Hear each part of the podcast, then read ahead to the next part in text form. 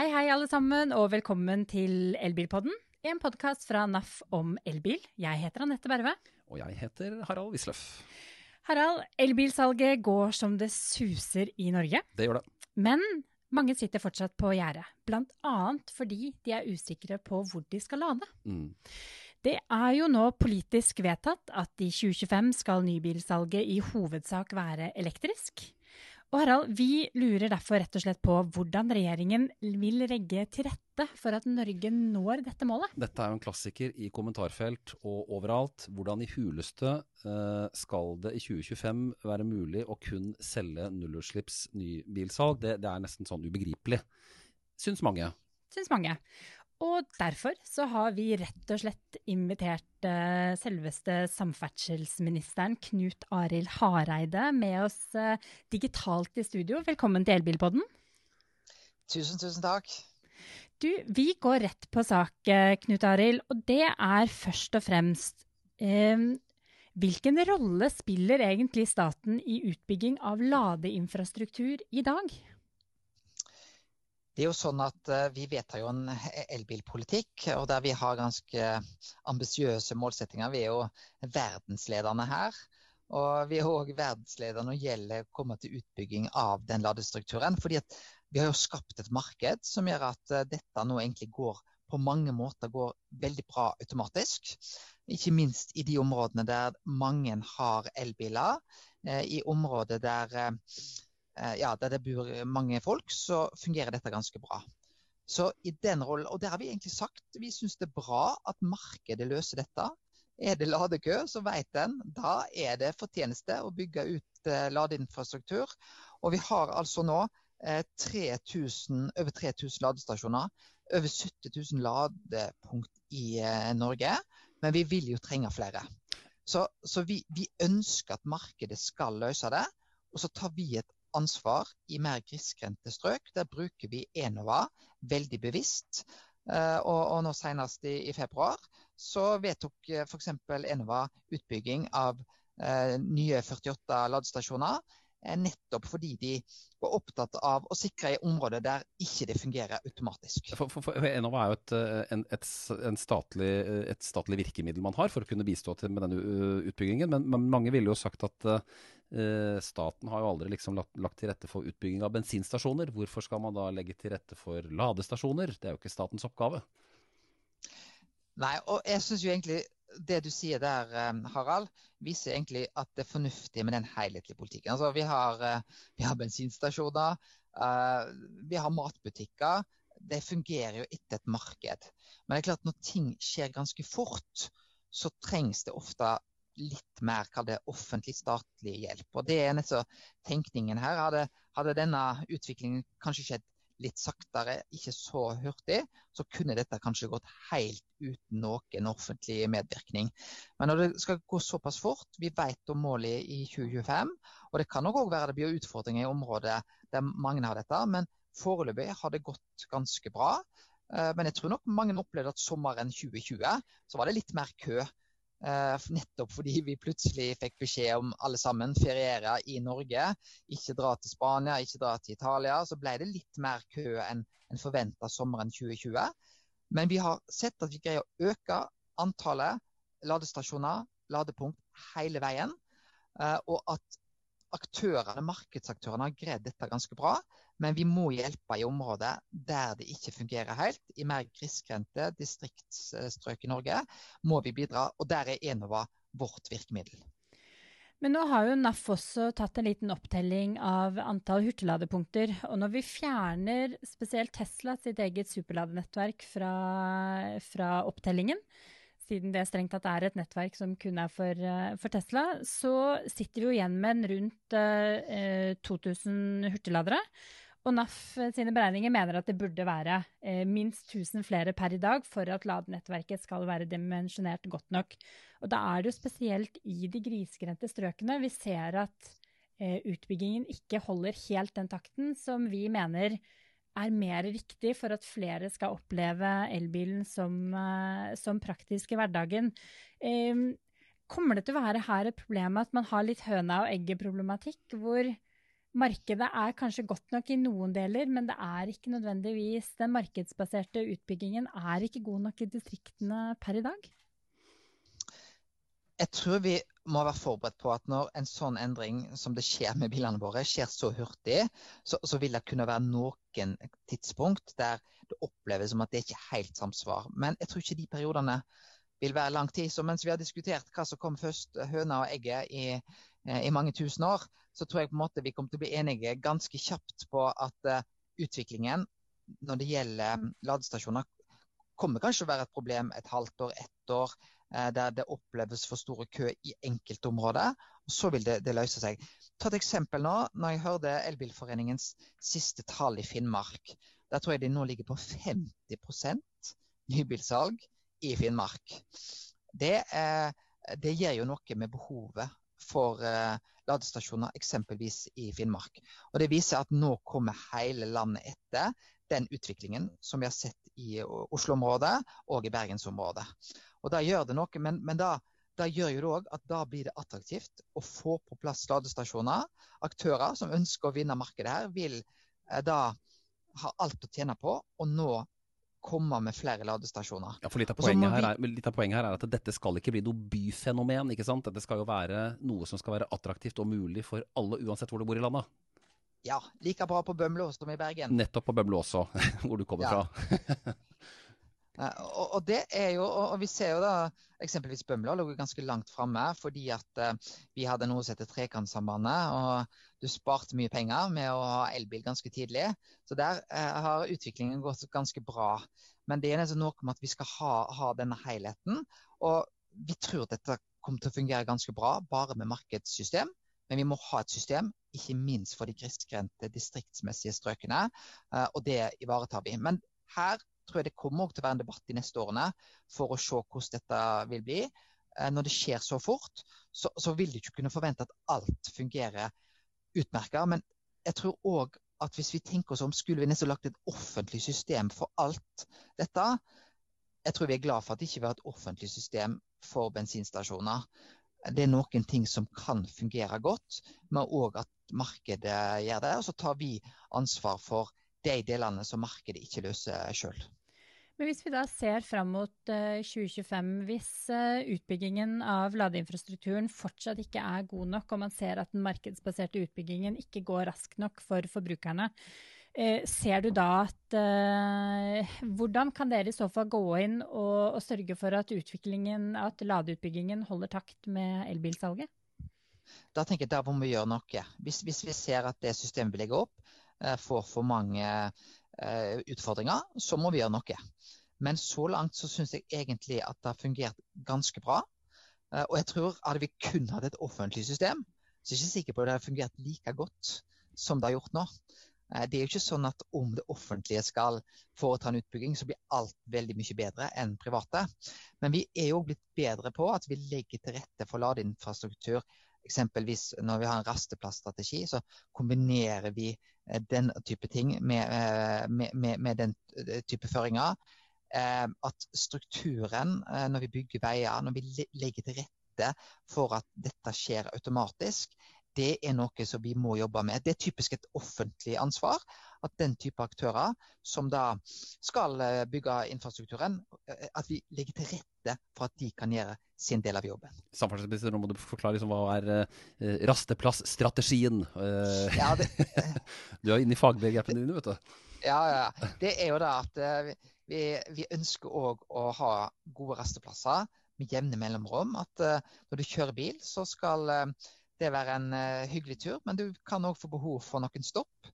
Og det bør ikke være for lang avstand mellom de ulike rasteplassene.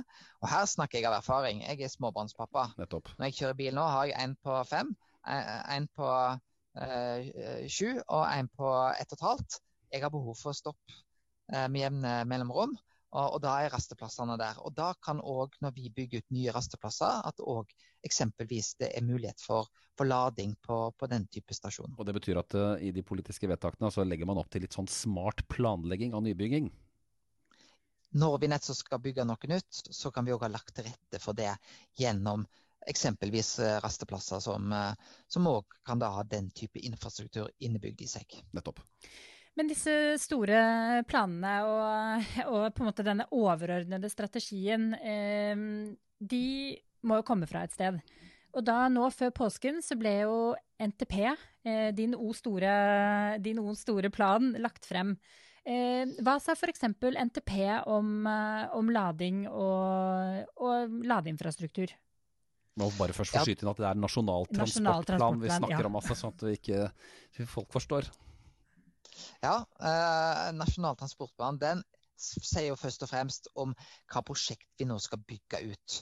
På vei, på jernbane, eh, hva vi gjør på kysten, eh, og hva vi også skal gjøre i lufta. Eh, og så er det For to måneder før vi la fram den, så la vi òg fram en stortingsmelding, klimameldinga. Mm. Og jeg tror vi sa mest i klimameldinga knytta til denne problemstillingen her. Fordi dette handler jo om hvordan vi skal få utslippene ned i biltrafikken. Og vi har lovt vi skal altså redusere 50% innenfor vår sektor. Og det skal vi greie innen 2030, da, målt mot 2005-nivået. Og da må vi lykkes med nettopp det vi snakker om nå, at flere velger å gå fra bensin, dieselbil og til en nullutslippsbil. Og Da må vi legge til rette for det. Og Det er det egentlig klimameldingen som først og fremst sier noe om. Og så er det jo tydelig sammenheng mellom det vi gjør i klimameldinga eh, og det vi gjør i NTP. da. Men det vi sier om dette, står det først og fremst i klimameldingen. Og Der sier de at vi skal nå målet i 2025 om at eh, da ønsker vi at de som kjøper nye privatbiler da, de kjøper nullutslippsbiler. Det betyr, og du, og, det betyr at du og Sveinung Rotevatn må samarbeide her? Ja, og vi samarbeider godt. Eh, og det er en sammenheng mellom NTP og klimameldingen. Eh, men akkurat dette det eh, er naturlig nok tydeligst beskrevet da i, i klimameldingen, den vi la fram i januar.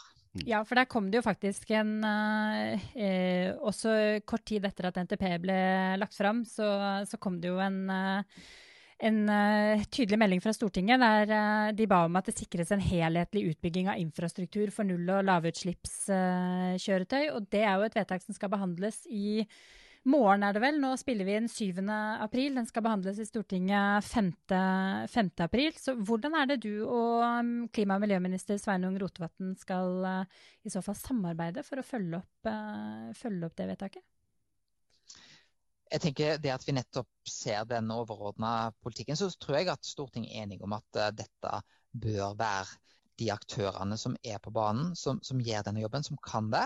Men jeg tror at å ha et overordna blikk uh, og sjekke at dette, dette fungerer uh, Som dere også sa, hvis vi får en ekstra stor økning noen år, så må vi òg sikre at vi, vi reelt sett får til den utbyggingen. Vi må legge til rette rette for at de aktørene som ønsker å bygge ut, får bygd ut. At vi gjør det. Eh, og, og, og dette skjer ganske hurtig. Eh, det er jo sånn at eh, Den visjonen som Europa, eller EU, har på elbil, den har vi allerede nådd i, med inngangen til 2021. Så jeg hadde møte med EU-kommissærene, og de snakker om sine visjoner på nullutslippskjøretøy. Så kan jeg si den visjonen dere har, har vi allerede nådd i Norge. Og verden ser jo til Norge på elbiler. Uh, og vi har fantastiske uh, salgstall nå. Og jeg vil jo også si at tallene vi har på etablering av uh, ladestasjoner, og selv med sommeren 2020, som ble tidenes heimesommer i Norge, kanskje blir 2021 òg det, men det ligger jo til rette for at Eh, at vi greier å nå de målsettingene vi nå har satt oss. Da Sveinung Rotevatn var statssekretær, så var han her i Elbilpodden og sa at eh, vi har fått til veldig mye på tross i Norge, med hensyn til eh, geografi og en del andre vær. Hva sier dine utenlandske kolleger når du liksom kan si at nei, dette er målet har vi allerede passert ved? Jeg tror de er veldig imponert. og så spør de hvordan har dere nådd dette? Og jeg tror En av hovedvirkemidlene er jo at vi har hatt, hatt noen insentiv. Vi har ikke bare hatt pisk, men vi har hatt gulrøtter til å kjøpe da elbiler. Uh, og Det har vært veldig viktig. Og, og så er det noe når mange gjør det samme, så går ting litt av seg sjøl. Jeg tror f.eks. det systemet vi har på ladeinfrastruktur, hadde vært mye mer sårbart hvis det hadde vært veldig få som hadde hatt elbil i, i Norge. Uh, og, og, og, ja, hydrogen, som òg har vært en så vi har ikke den samme utbyggingen på den type strukturer i Norge. Det ble færre som valgte det. Men da elbilandel har vært så høy at de har fått en sånn positiv framdrift hele veien. Så Det tror jeg nok er en av suksessene. Men, men det at vi har hatt bompengefordeler, MBA har merverdiavgift, har det ikke vært. Det at det er mulighet til å kjøre i kollektivfelt. Det har vært så mange fordeler at en har valgt ikke minst i byområdet, men òg som jeg nevnte på Bømlo, eh, der da en slapp å betale eh, eller fikk halv pris da en kjørte i Trekantsambandet, Det var veldig positivt for at mange valgte å kjøpe elbiler. Mm. Før vi borer ned i elbilfordelene mer, så har jeg lyst til å høre litt hvis man da ser distriktene, og egentlig også langs en del hovedferdselsårer, hvor man ser at det er, er nødvendig å, å, utvide ladehubene som allerede finnes. Hvilke andre typer virkemidler kan dere bruke annet enn Enova, eh, som jo gir støtte til utbygging? Ser dere hvordan, hvilke andre typer tiltak kan dere benytte dere av? Eh, bedring av rammevilkår for å sørge for at eh, utbyggingen, ladeinfrastrukturen, eh, går raskt nok. Ser dere, ser dere noen konkrete ting dere kan gå inn på der? Det tenker jeg Eh, eh, jeg, jeg, tror vi skal være ærlige på å si det at i den fasen vi er nå i, der vi har en så hurtig oppbygging av antall nullutslippsbiler, så kommer det til å være noen utfordringer.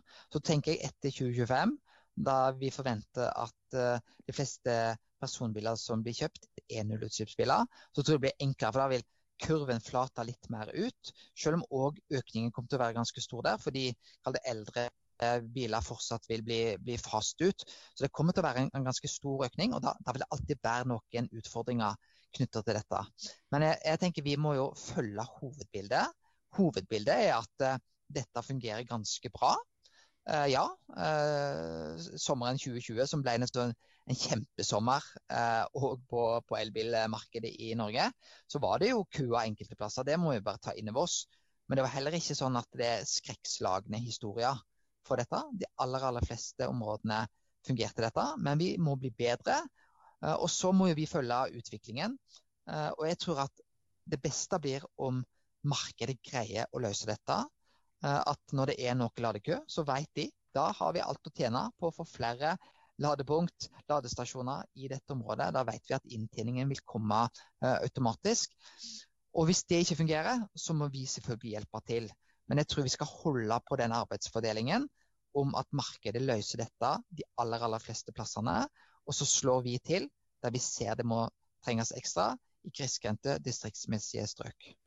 Det var vel egentlig eh, eieren eh, av eh, området på Bolleland, eh, Espa, var vel ute og etterlyste bistand for å utvide sin ladestasjon. For der hadde vel han fått et prisomslag på Nei, Anslag, på rundt 25 millioner for å øke antall ladeplasser. Et veldig populært sted å stoppe for veldig mange som skal både nordover og eh, nordover ut av Oslo opp til Lillehammer. Eh, det, men det er jo noe i rammevilkårene her som kan bedres for, eh, for de som vil bygge ut ladestasjoner, som, som, i dag får noen helt sinnssyke priser for å skulle utbedre tilbudet sitt. Jo, ikke minst at man i tillegg da er gjenstand for kommunal saksgang yes. når man skal søke om byggetillatelse.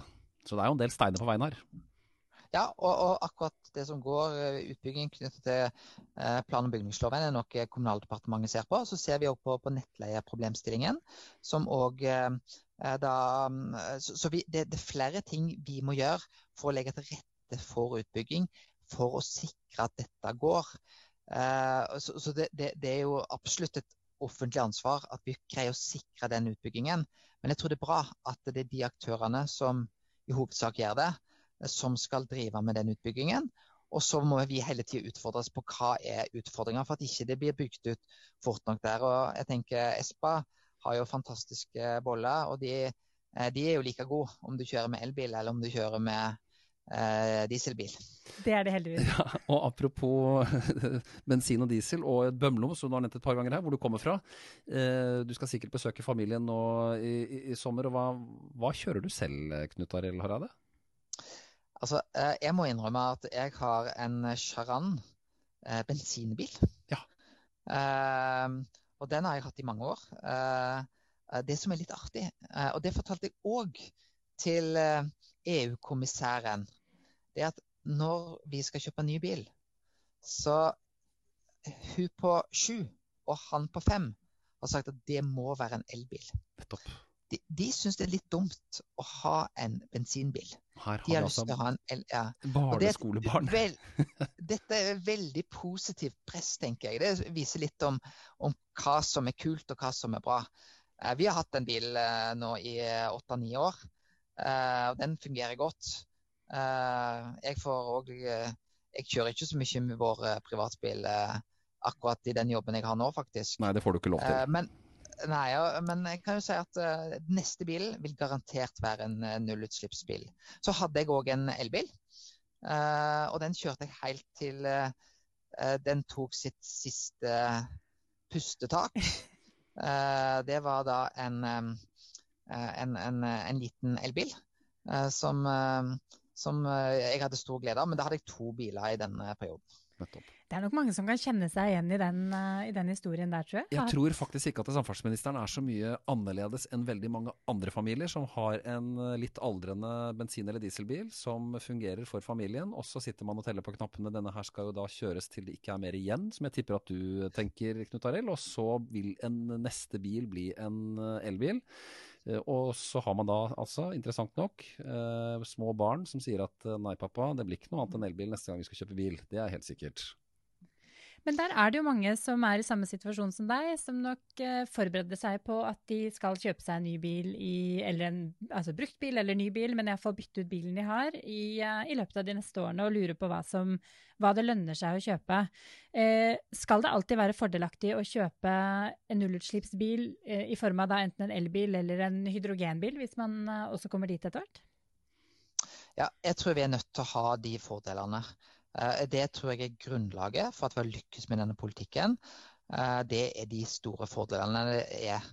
Eh, Og så kan vi diskutere må de fordelene alltid være på, et sånn veldig høyt nivå, eller kan det justeres bitte litt ned. Men det må alltid være en forskjell fra å velge da, det klimafiendtlig. Så, så, så, så det må være en forskjell.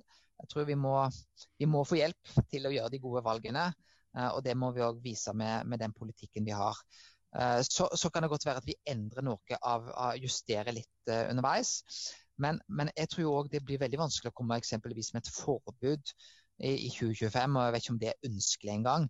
Eh, vi har EØS-regelverket som vi skal forholde oss til. og Derfor så må vi sikre at fordelene er der framover. Og så tror jeg at det alltid vil kunne være justeringer på det. Eh, Det er ikke sikkert at de dyreste, dyreste elbilene skal ha akkurat de samme fordelene som kanskje litt mer vanlige familiebiler som er mer eh, normale. Eh, Det må vi òg kunne forvente å diskutere framover.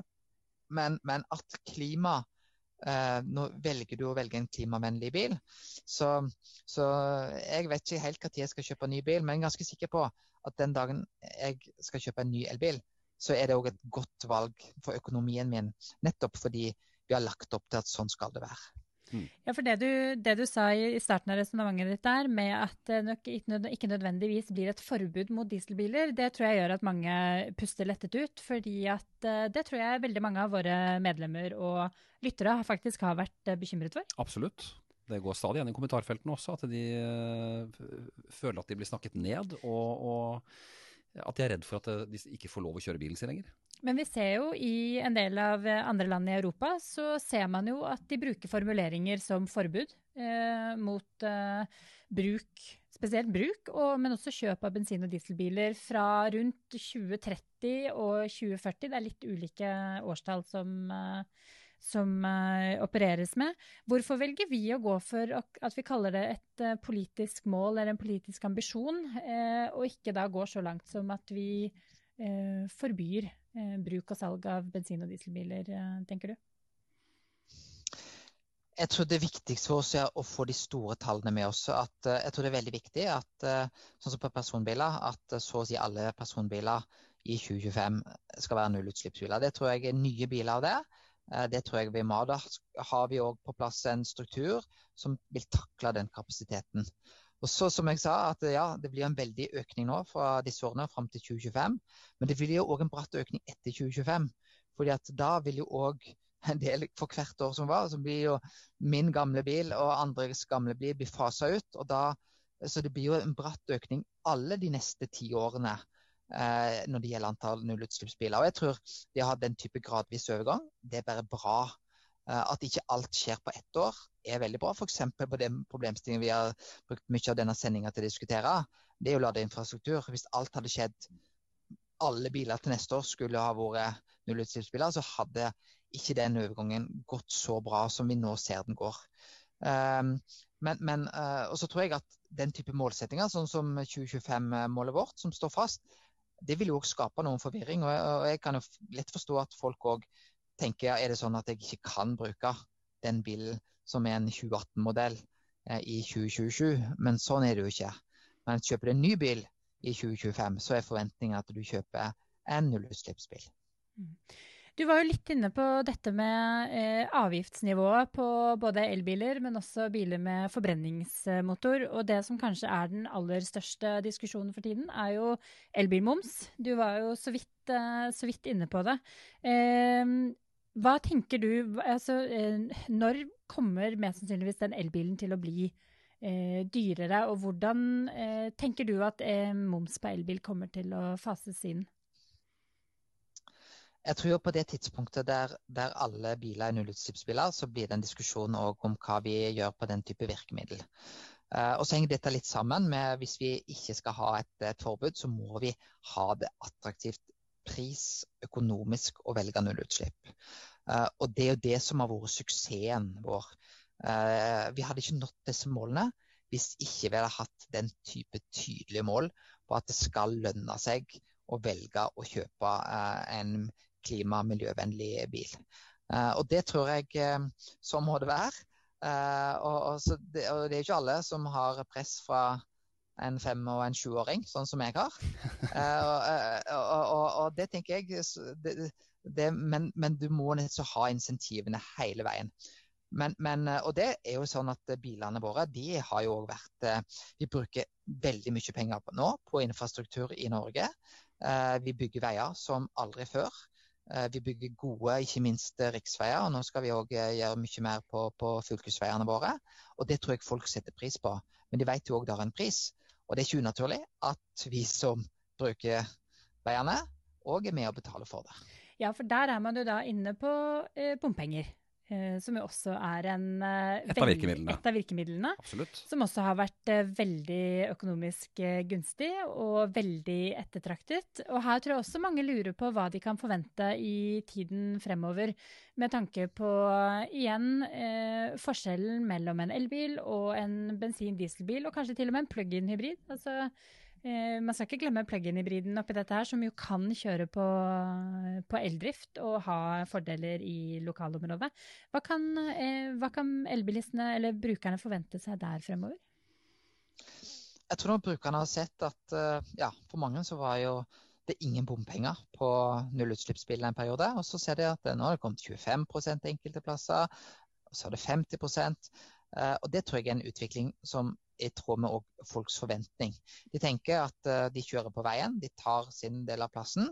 De kjører med en mer klimavennlig bil. Det er naturlig at de får rabatt, men det er kanskje ikke naturlig at det er helt gratis. Uh, og, og, det tror jeg den type uh, Og jeg tror folk òg tenker at når alle kjører nullutslippsbiler, så forstår de at uh, ja, hvis vi da skal bygge ny infrastruktur, så, så må jo noen òg være med å betale for det.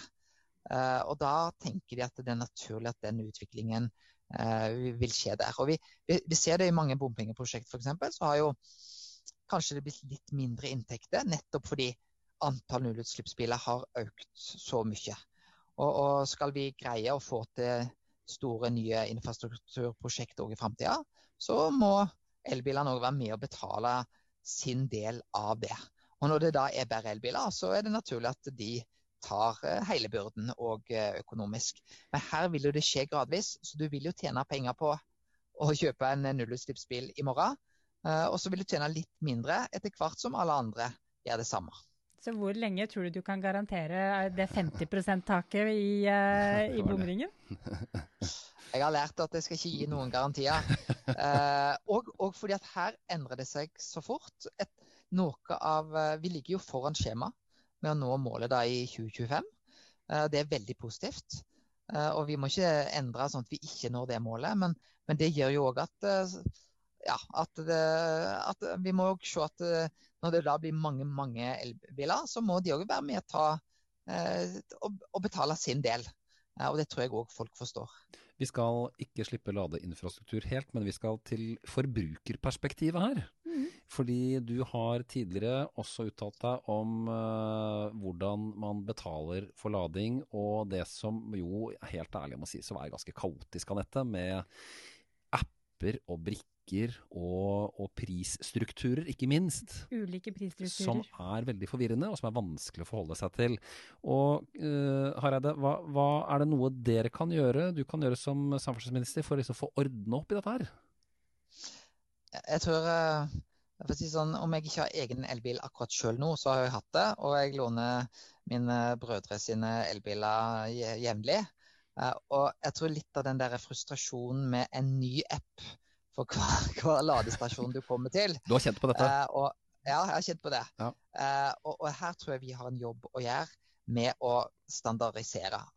Standardisere er ikke alltid et positivt politisk ord, men jeg tror mange vil sette pris på at vi, vi gjør den jobben. Og Det tror jeg er noe som òg myndighetene skal se på. Så er det litt sånn at nå er vi i en startfase. Det er viktig altså å få en utbygging og få det på plass, men så må vi òg hjelpe. Eh, det er flott at ikke vi ikke har 14 ulike stikkontakter og, og, litt sånn bør det òg være på, på, ladestasjoner. At vi får litt mer enn en standard. Og så er det litt sånn at her er jo Norge et lite land. for vi, vi, vi er, Så det er òg et punkt vi har tatt opp når vi har snakket med EU. At vi må jobbe sammen om, om dette. Det er en sånn vinn-vinn-situasjon. Men òg stille krav om det. Og, og vi kan jo gjøre noe i, i, vårt lille land, fordi vi faktisk er ganske store på, på, dette og bidrar til det. Men det er et politisk mål at vi skal bidra til at uh, vi kan få mer standardiserte, færre apper uh, og, og, et enklere uh, mål. Det vil jo tjene kundene, og det gjør at flere har lyst til å kjøpe en elbil, og det er jo vårt mål. Mm. Da blir litt terskelen, eh, terskelen litt lavere for ja. førstegangsbrukeren, hvis Absolutt. man både vet at infrastrukturen er på plass, og at den er enkel å bruke. Vi skal sende deg en NAF ladebrikke, Knut Arild Hareide. Når den tid kommer og du skal ha egen elbil, så skal du i hvert fall ha den i orden. Tusen takk. Du, det var veldig, veldig, fint å få litt innblikk i hvordan dere tenker om uh, utbygging av ladeinfrastrukturen uh, fremover. Så ser vi frem til uh, første gode rasteplassene med et ladetilbud, sånn at vi kan nyte lunsjen i det fri på sommerferie. Og der satser vi på å treffe familien Hareide med sine tre barn og en elbil. Og disse som er fornøyd med pappas kjøp, rett og slett. Da, det er jeg veldig klar for. Så hvis de da de tre små får en is òg, så er alt uh, bare velstand. Is og elbil, det er vinneroppskriften til Hareide. Uh, da, veldig bra. Tusen takk, Knut Are Hareide, for at du var med i eh, Elbilpodden. Og så må dere huske at dere kan abonnere på denne Elbilpodden-podkasten i alle kjente podkast-apper. Og du finner oss i Spotify og på YouTube. Og selvfølgelig på naf.no elbil. Der kan du se alle episodene og lese mer om elbil. Og du følger oss på Facebook og på Instagram. Her i studio altså, Anette Berve og Harald Wisløff med gjest eh, Knut Arild Hareide fra KrF og samferdselsminister. Teknisk ansvarlig var Vegard Løfaldli. Og vi ses og høres igjen av dette om 14 dagers tid. Det gjør vi, vet du. Ha det bra. Ha det.